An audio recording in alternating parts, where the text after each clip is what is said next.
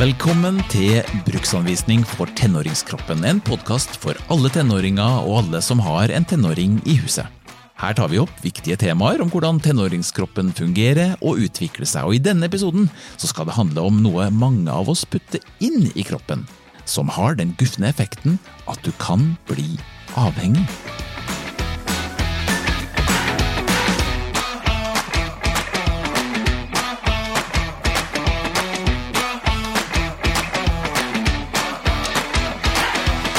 Mitt navn er Ole André Sivertsen, og før jeg introduserer episodens fagekspert, så skal vi høre hva noen tenåringer tenker om episodens tema. Jeg har samla en gjeng for å høre hva de tenker og lurer på om koffein, nikotin og alkohol. Må vi ha det? Jeg tror ikke mamma blir veldig fornøyd om folk veit at jeg snakker og Mm, jeg har prøvd snus én gang. Jeg og en kompis som sa at vi skulle ta, ta en samtidig. Eh, med det første så ble jeg veldig svimmel. Eh, etter tre minutter så ble jeg veldig kvalm. Så da, da tok jeg den ut. Eh, for jeg, ville, jeg hadde ikke lyst til å liksom være sånn kjempekvalm hele dagen. Men jeg var jo egentlig det. Jeg var uggen resten av dagen. Ja, jeg har også testet det, og da kasta jeg opp. ja, det var ikke noe godt, så da holdt jeg meg unna det. Jeg veit ikke. Jeg tror ikke man Det går helt opp for en at man er avhengig før man er på kanskje sin tredje-fjerde boks. Da, og så er det sånn Faen, nå har jeg lyst på å snuse, liksom. Nå sitter jeg her og Det er jo ikke noe generelt godt snus, liksom, men det er et eller annet som er godt allikevel. Jeg vet ikke. Nei. Så, altså, hvis du blir kvalm og uggen av det, så Ja. Men det er et eller annet som gjør at man tar det uansett. Men alle sier at de ikke er avhengig, at de kan slutte når de vil. Men jeg vet ikke helt om det er sant. Nei, jeg er litt skeptisk på det, om det er sant. Dette var Mikkel, Henrik, Jenny og Nora, som vi senere skal høre har noen konkrete spørsmål til dagens ekspert, som er hjerneforsker og forfatter Marte Roa Syvertsen. Velkommen. Takk for det. Ja, koffein, nikotin og alkohol. Vi finner det i energidrikk og i kaffe, i røyk og snus og i øl og vin og brennevin. Skal vi starte med hva er det som disse stoffene har til felles? Det er jo egentlig veldig ulike stoffer, Ja. men til felles så har det jo at de påvirker hjernens funksjon og Ja. gjør noe med oss. Det er jo derfor man gjerne bruker dem òg, nettopp av den grunn.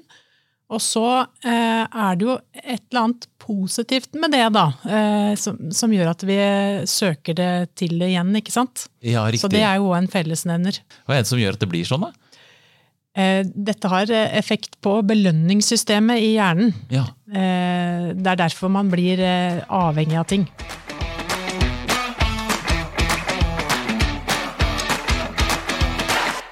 Hei, Marte.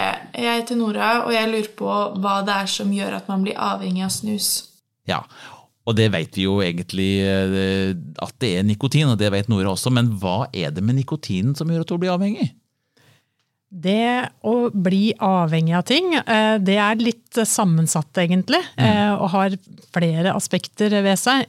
Én ting er liksom det, den mer sånn sosiale biten, eller man, psykologiske kanskje, da. At man har lyst på, eh, eller forbinder det med noe hyggelig. Ja. eh, Den type ting.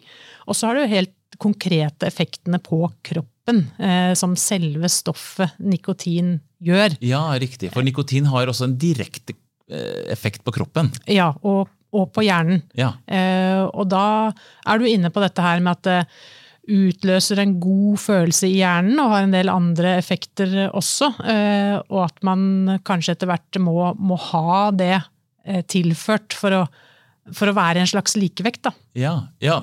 For, ok, la oss bare sånn konkret, hva er det nikotin gjør eh, som gjør at man blir, får hjertebank eller blir kvalm, som de beskriver her og, og, og i åpningen? Nikotin har nok veldig mange ulike effekter, og jeg, eh, hvis jeg har forstått det riktig, så har man ikke 100% kontroll på alle de heller, sånn at man ikke helt forstår alt. Men det hermer jo etter noen av kroppens egne stoffer, sånn at det fester seg på mottakssteder i nervesystemet, hvor det egentlig skulle vært noe annet. Eh, Og et av de stoffene heter acetylkolin. Okay. Eh, og det er, brukes jo til å sende signaler mellom nervecellene, blant annet. Ehm, Og det er vel sånn at hvis man får veldig mye acetylkolin, eh, en slags forgiftning eller noe med det, så kan det gi liksom kvalme og, og den type eh, symptomer, da. Ja, akkurat. For det, det beskriver det jo her, at man blir kvalm og til og med kaster opp. Ja.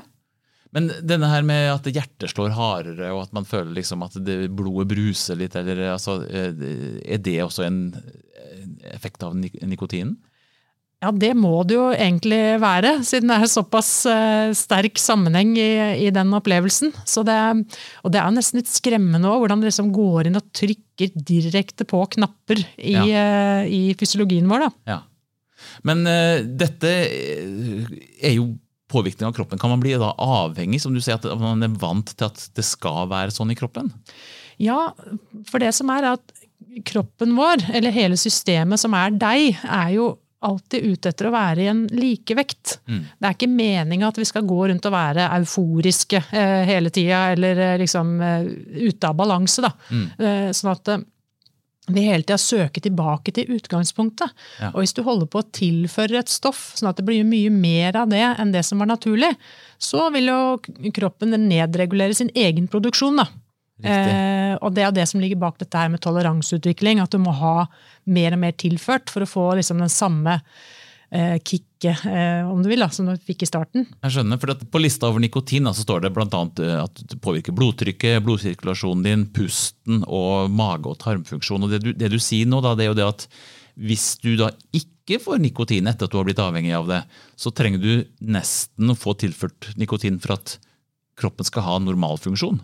Ja, sånn er det jo veldig mange tilfeller egentlig med, med ting man blir avhengig av. da. Ja. Fordi at det normalnivået ditt ble nedregulert. sånn at hvis du tar bort eh, stoffet da, så er du på minussida. Skjønner, egentlig. akkurat. ja. Dette med kvalme da, det, det, er jo mest i begynnelsen. da. Det, det, er for at kroppen da blir så vant til da, at man, ikke, at man slutter å bli kvalm. da.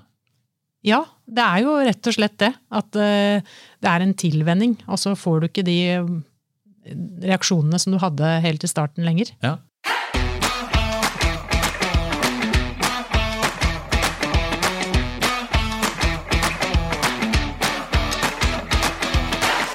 Hei, Marte. Jeg heter Henrik, og jeg har sett at mange profesjonelle fotballspillere driver med snus. Kan dette gå utover treningsutbytte og prestasjon?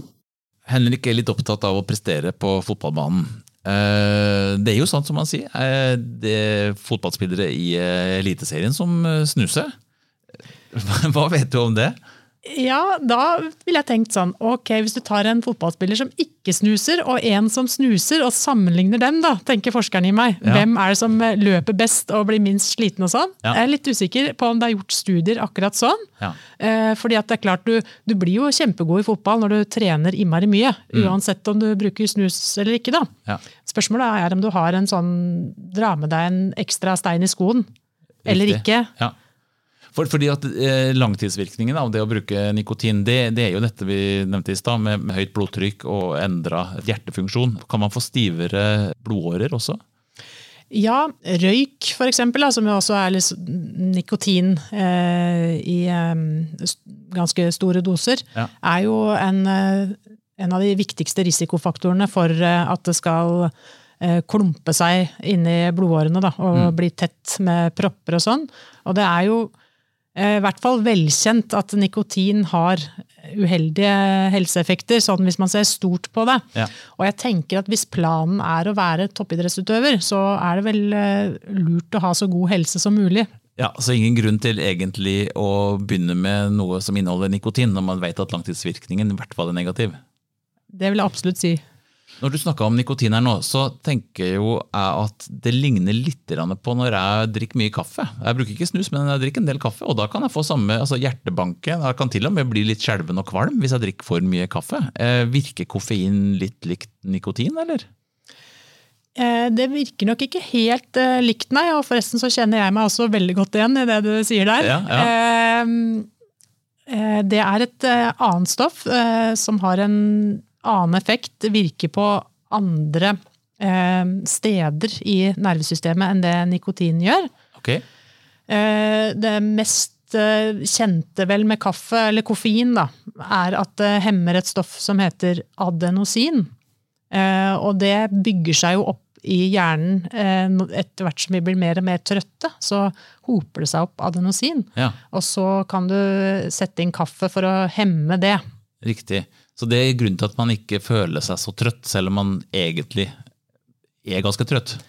Ja, og det er jo viktig å få med seg, fordi det er jo ikke sånn at kaffe endrer søvnbehovet ditt. Nei, ikke det hele tatt. Det bare lurer deg til å tro at du ikke trenger så mye søvn. Ja. Det skal vi for øvrig snakke mye om i podkast om energidrikk, så hvis du har lyst til å vite mer om det, så kan du jo høre den. Men, men det er jo flere ting enn at du holder deg våken, for du blir jo litt sånn eh, Får du litt hjertebank av å drikke mye kaffe òg? Ja, du blir jo påskrudd av kaffe, da. Eh, ikke sant? Det er et aktiverende stoff. Eh, og det Ja, jeg har jo hatt bekjente som har fått ordentlig sånn eh, Veldig hjertebank, faktisk. Ja. Så mye at man blir uvel av det, da. ja.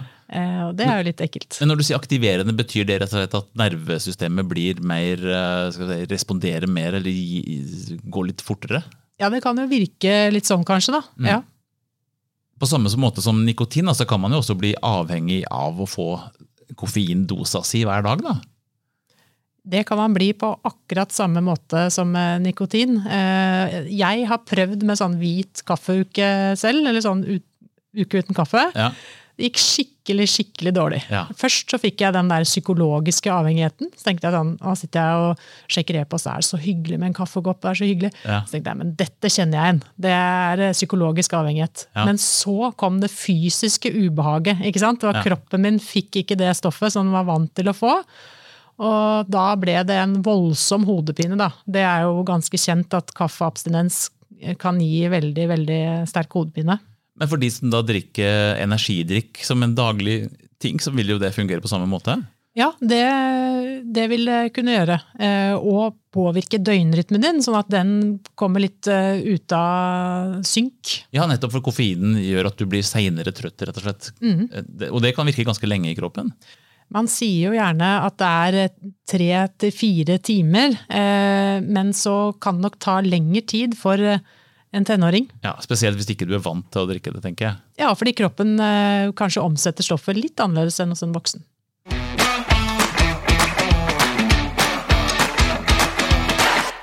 Hei, Marte. Jeg heter Jenny, og jeg lurer på om det å ha veldig lyst på sukker er litt sånn det samme som å være avhengig av snus. Ja, her får vi en liten vridning, for da, da er vi plutselig ikke på de stoffene vi snakka om, men vi snakker om sukker. Eh, Ja. Er det noe likhetstrekk her? Det er jo det, og det gjelder jo alle typer avhengigheter, at de har dette til felles. At de på en eller annen måte har trigget belønningssystemet i hjernen. Ja. Sukker gjør jo også det. Eh, veldig sånn primitivt. Det er næring. Eh, bra for oss å spise.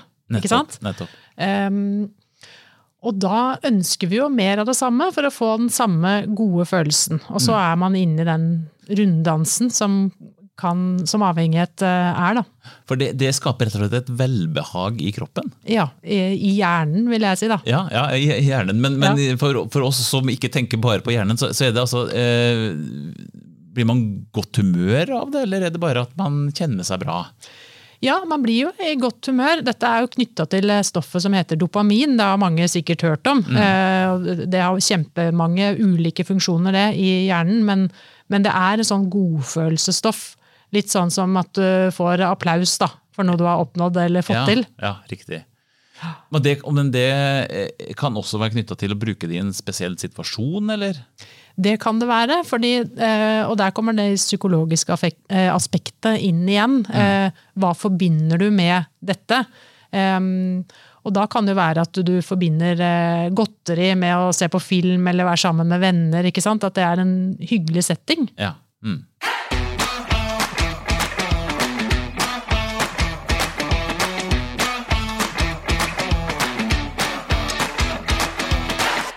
Du blir bedre kjent med folk. Du begynner liksom, man, som man sier, man blir jo mer sosial når man har litt alkohol i blodet. Ja. Så kanskje det blir mer sånn Blir bedre stemning, eller noe Du bryr deg ikke så mye om hva de andre tenker Nei, liksom, om alle ting? Mm. Som kan være positivt, men også ja. Ja. Man blir kanskje Man, tenker, man mister jo litt den eh, Hva heter det? Sånn der, eh, man mister litt filteret sitt, liksom, og blir litt uh, fri og sånt, da. Så. Noen ganger, men det er ikke så ofte som hver helg. Nei, det, Det er bare noen få ganger i måneden. Kanskje én-to ganger. Ja. Hei, Marte. Eh, Jeg heter Nora, og jeg lurer på hva det egentlig er i alkohol som gjør at eh, du ikke har så strenge rammer eller grenser for det du gjør og sier. Hva er det som gjør at man eh, slipper seg kanskje litt mer fri? Uh, miste filteret, som Jenny kalte det, når man får alkohol i hjernen? Det kan eh, virke som om alkoholen påvirker hjernens eksekutive funksjoner. Eller den, den gjør det. Ja. Eh, og det er en slags kontrollorgan i hjernen. Eh, der hvor vi fatter beslutningene våre. Og før vi gjør det, så tar vi gjerne en sånn gjennomgang av ok, hva tror vi kommer til å bli utfallet av dette? Ja. Hva blir effekten av den beslutningen jeg tar nå, om litt og om enda lenger fram og Ja. enda lenger fram? Ja. Og hvis du skrur ned den litt da, med alkohol, så blir du jo mer umiddelbar. eh, Og kanskje gjør du litt av disse dumme tingene. For det, altså, det vi ser med alkohol nå, det betyr jo at det virker motsatt av det som nikotin og koffein gjør. For det, det, det som skrudde på en måte opp ting litt, men altså alkohol det bedøver. Ja, det har en dempende effekt. Det Ja. stemmer.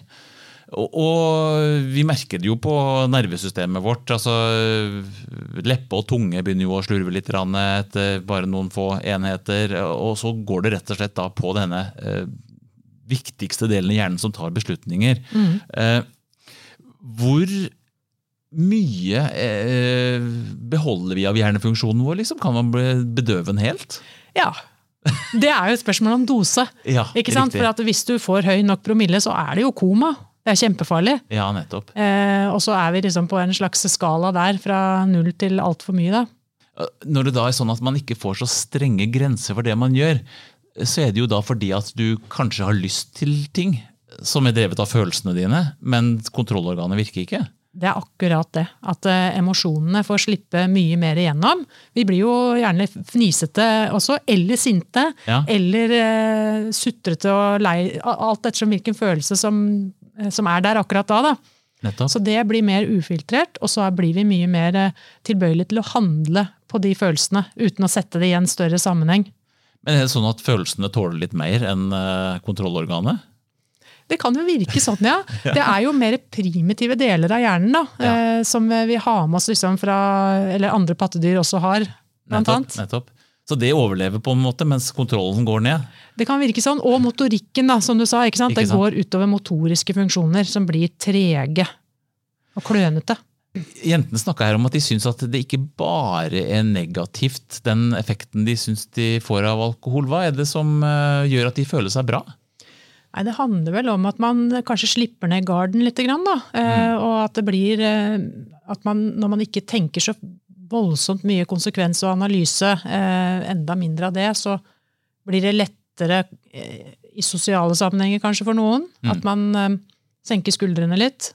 Men det er jo da sånn at når man mister dette kontrollorganet, så, så vurderer du jo f.eks. ikke risikoen særlig bra. Nei, det er jo en av de tingene som eh, de eksekutive funksjonene i hjernen driver med. da, Akkurat det. Å Ja. vurdere hvor risikofylt noe er, og, og igjen hva som kan bli konsekvensen av dette valget jeg tar akkurat nå. Og da snakker vi jo ikke bare om det å, å, å gjøre dumme fysiske ting, men det handler jo om det sosiale spillet, f.eks. Om hvordan eh, Ja. si riktige ting, eller hva, hva, hvordan man oppfører seg. Ja, jeg tenker jo at eksekutive funksjoner i hjernen i veldig stor grad er en sosial ting. At det handler om hvordan vi oppfører oss overfor andre, eh, i samspill med andre. Mm. Og så er det vel ikke bare hvordan du oppfører deg, men det er vel hva du klarer å forstå av det som skjer rundt deg. Ja, det er jo en viktig faktor, hvordan du tolker ting som kommer inn. Da. Signaler fra andre Ja, ikke sant? Ja.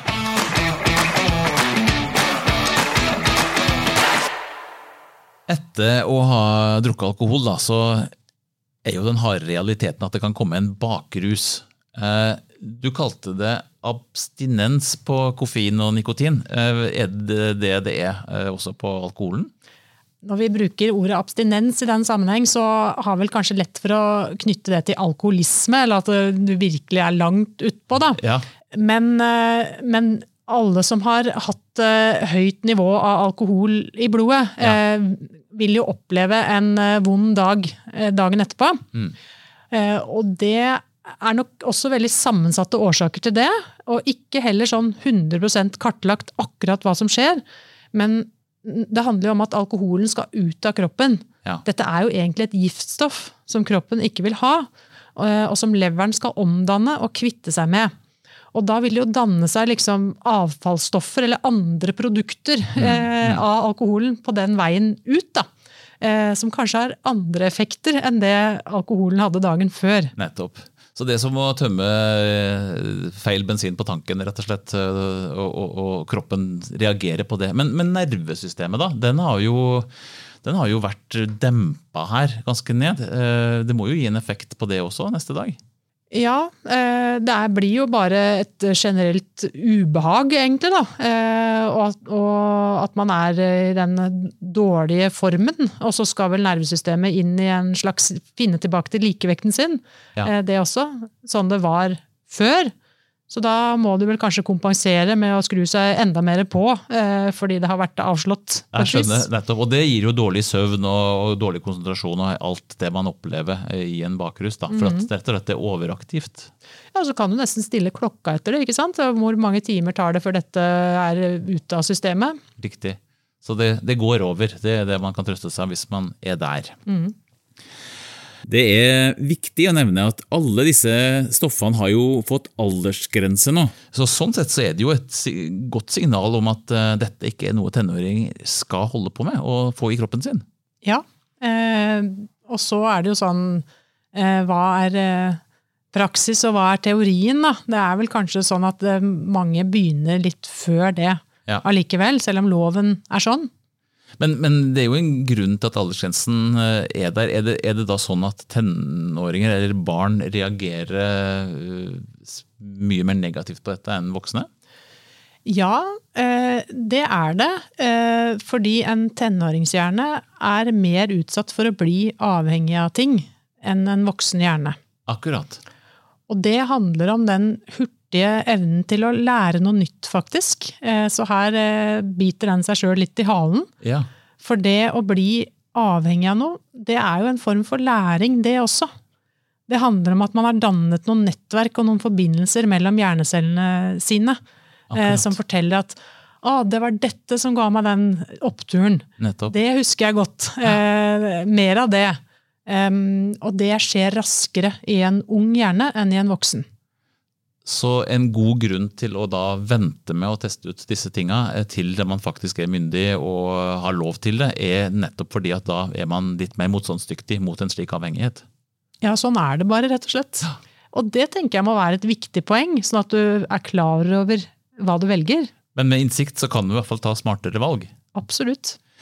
Det er derfor vi sitter her og snakker om det. Og Marte, du har delt litt av alt det du kan om koffein, nikotin og alkohol, og ikke minst hva som skaper avhengighet. Eh, Tusen takk for at du var med på det. Takk for meg. Takk også til Nora, Jenny, Mikkel og Henrik som var med i Tenåringspanelet. Jeg heter fortsatt Ole André Sivertsen og har skrevet boka 'Bruksanvisning for tenåringskroppen', hvor du finner mer om dette temaet og annen nyttig info om hvordan trening, mat og søvn påvirker kroppen din. Både bokprosjektet og denne podkasten er laga av Filiokus Media i samarbeid med Sunn idrett i Norges idrettsforbund. Takk for denne gang, og på gjenhør.